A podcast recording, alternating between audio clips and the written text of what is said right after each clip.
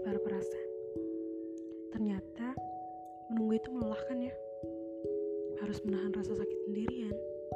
Kadang aku bingung aku harus mengakhiri atau malah tetap bertahan pada harapan yang tidak sesuai dengan ekspektasiku. Aku memaksakan mereka selalu ada, tapi ternyata mereka terpaksa